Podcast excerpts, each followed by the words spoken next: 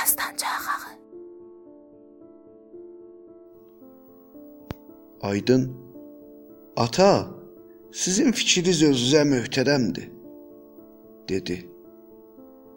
Ata, əcəb. Əcəb, bizim uşağımız bizi qəbul etmir. deyib üzünü anaya sarı çevirdi. Acı gülümsəyib adamın xoşu gəlir bu oğlanın qürurunu əssin dedi.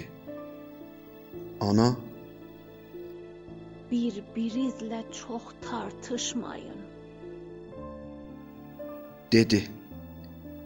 Ata, olsun. Olsun, başqa cür danışaram, dedi.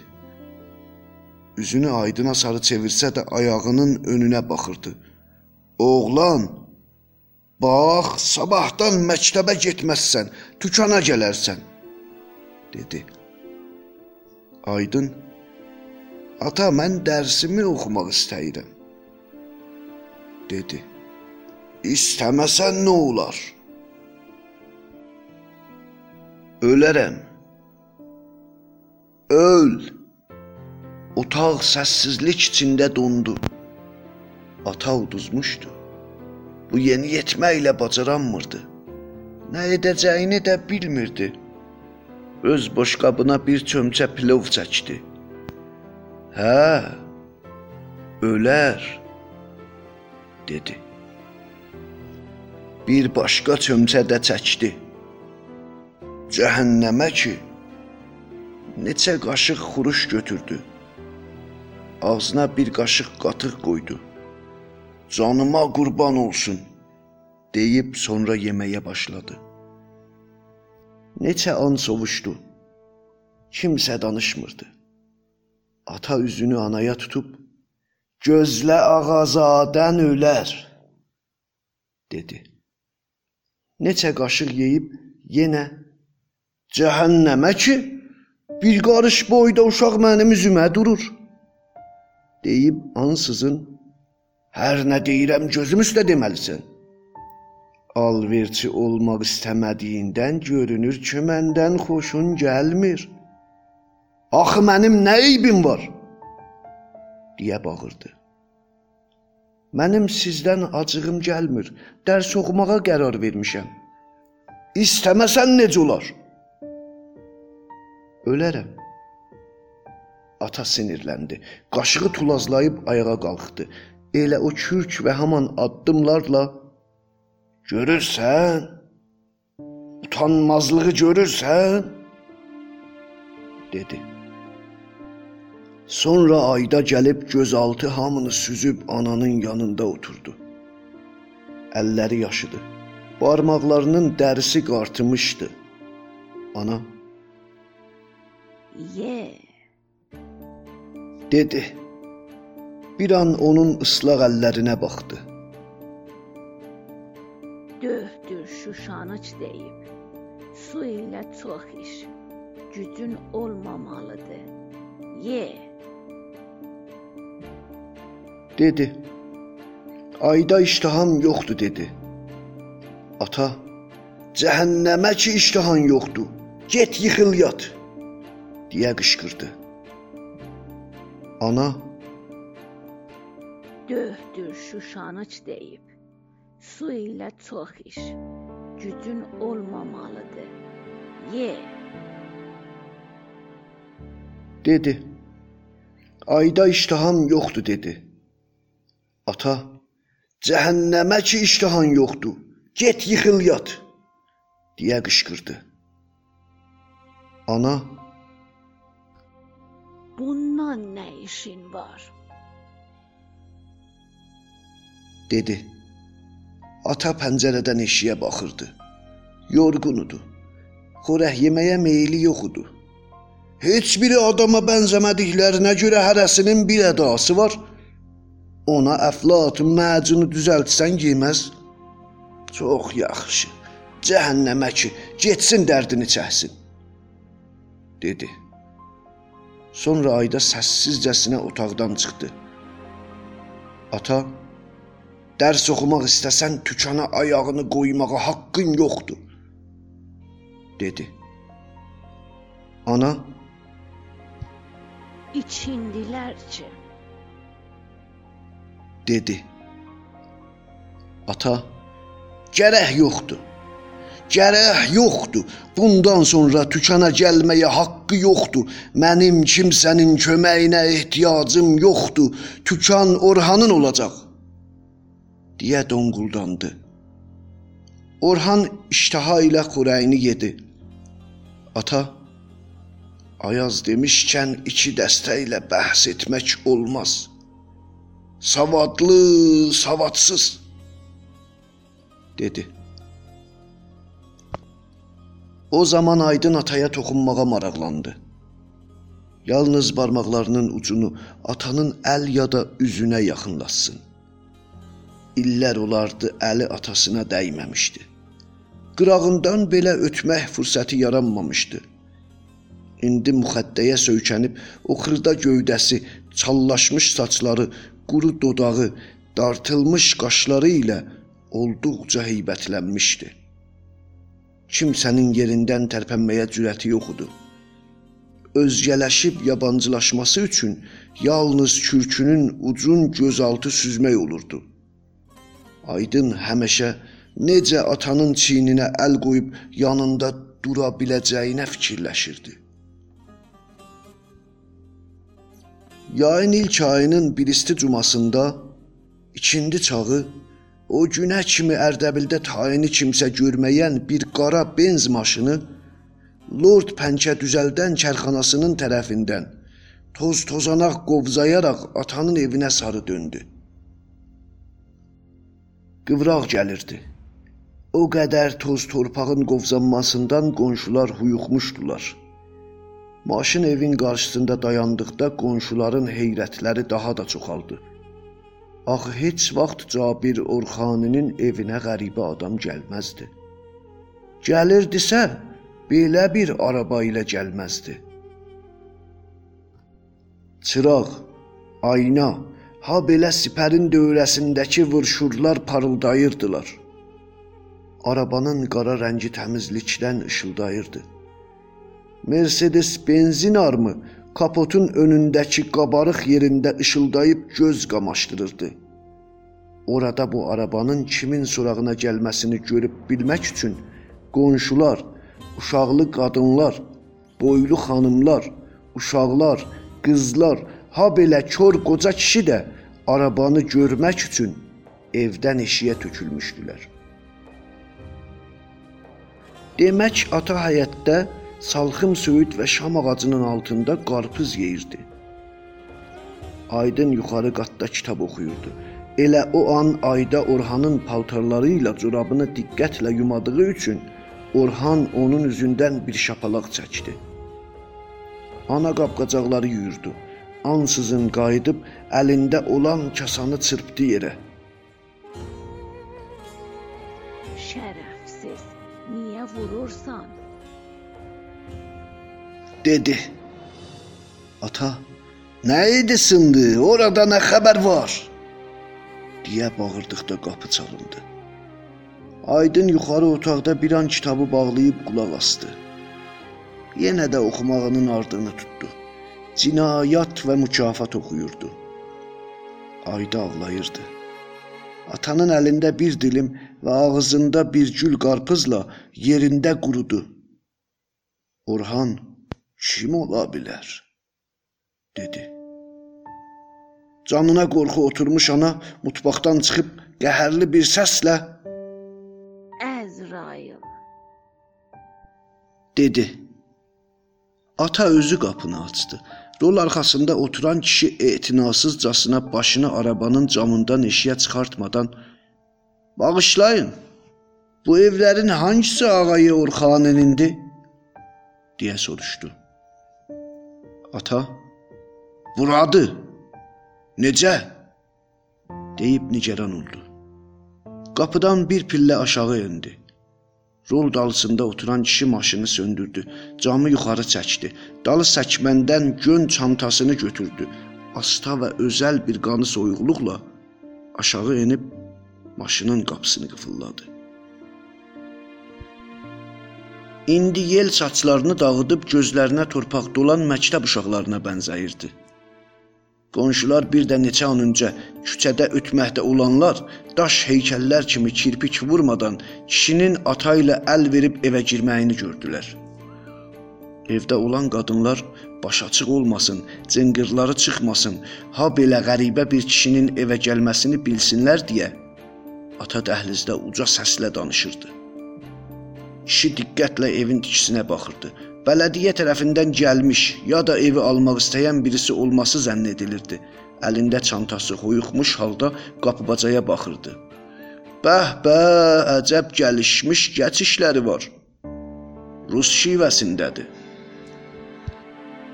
Ağay Orxanı, amma tikintinin hamısı ingilis şivəsi ilə tikilib. Uca rəflər, bir-birinə bənzər ipucu pəncərələr. Deyib otaqların birinə baş uzaldıb dostluq halı ilə Bəh, bəh, mən sizin səliqəzi alqışlayıram. Ağay Orxanı, bu kəmərliləri düzəltmək sizin incə zövqunuzu göstərir, dedi. Sonra otağın boğucu qoxusundan üz-gözünü turşatdı. Orada oturan adam sizin nəyizdir? dedi.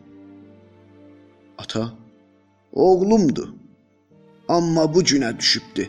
10-12 il öncə rusların yürüşündə dedi. Kişi, demək siz də yaralanmısınız. deyib gövşəyən Yusifə baxdı.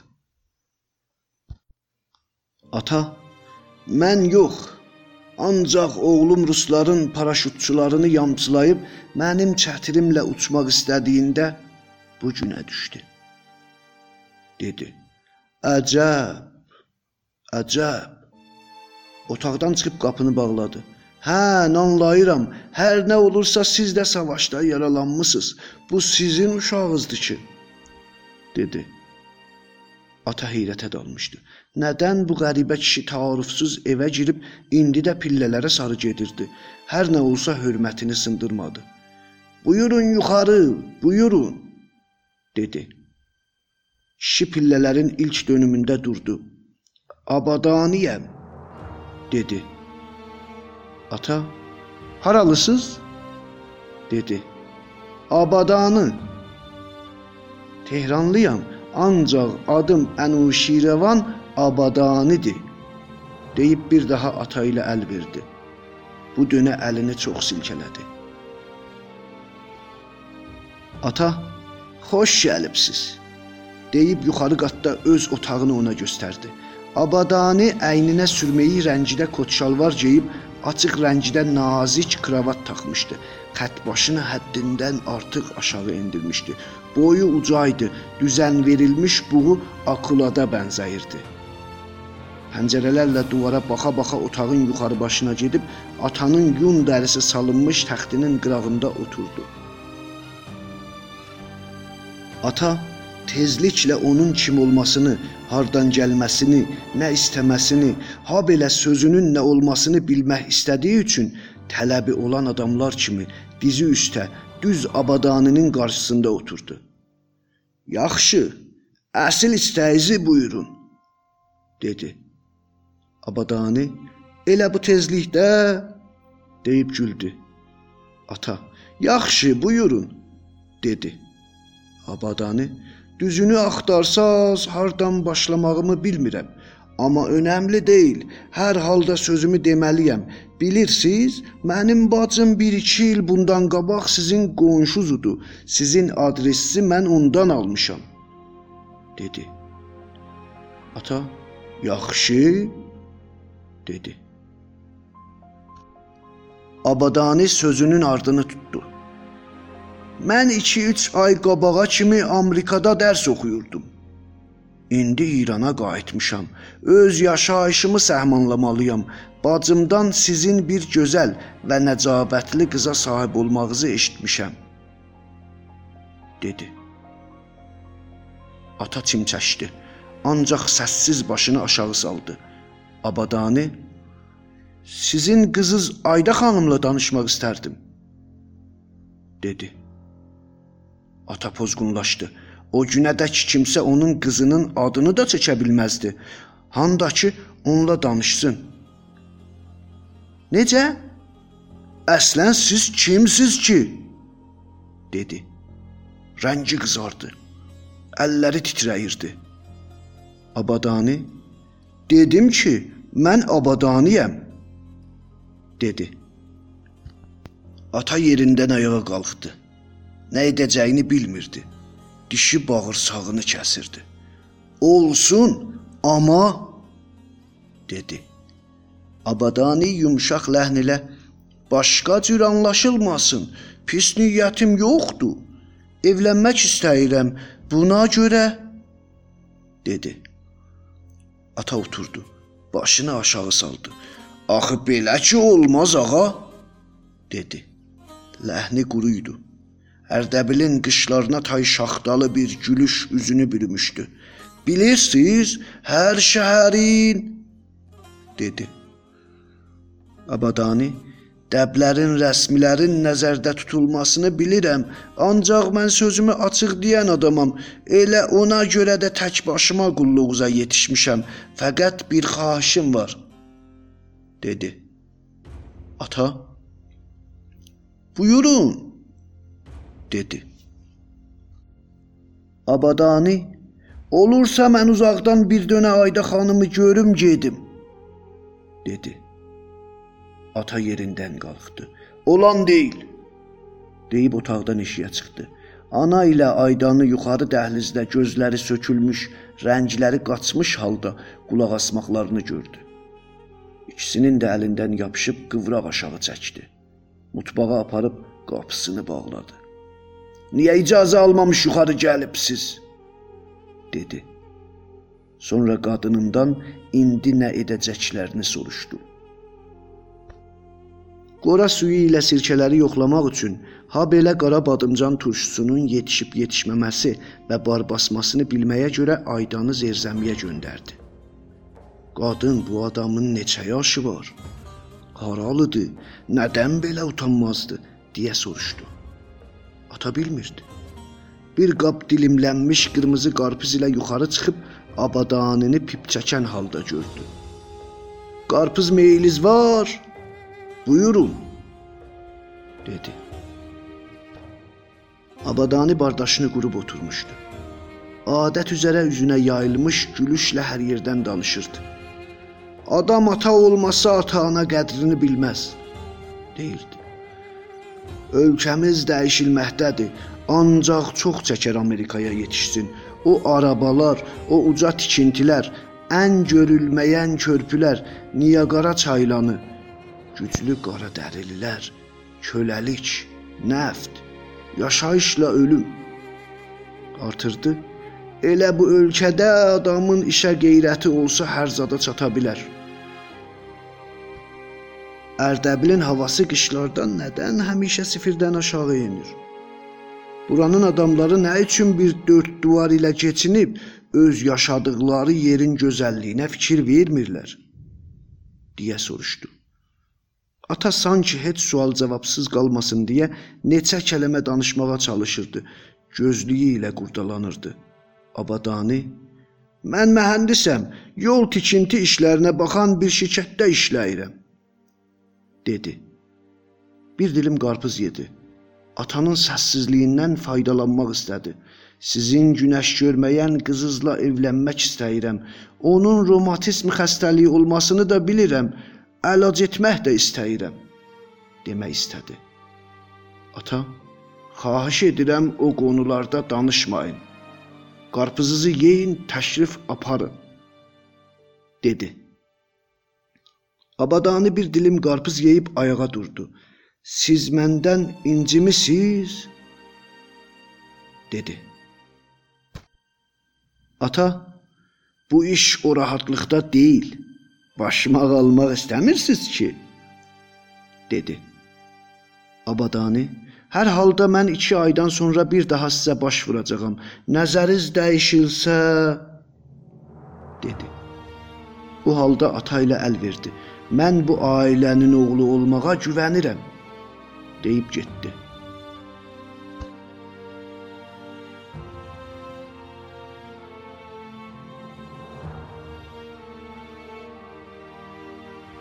Ölülər Senfoniyası 1-ci çap. Yazar Abbas Mərufi. Çevirən Əhəd Fərəhməndi. Düzənləyən Əli Salmanzadə. Səsləndirənlər: Ağa Cabir Purbagiri, xanım Elnarə. Hər zamanki kimi bizimlə olun. Bizim axağımızın adresi Dastanca D A S T A N C A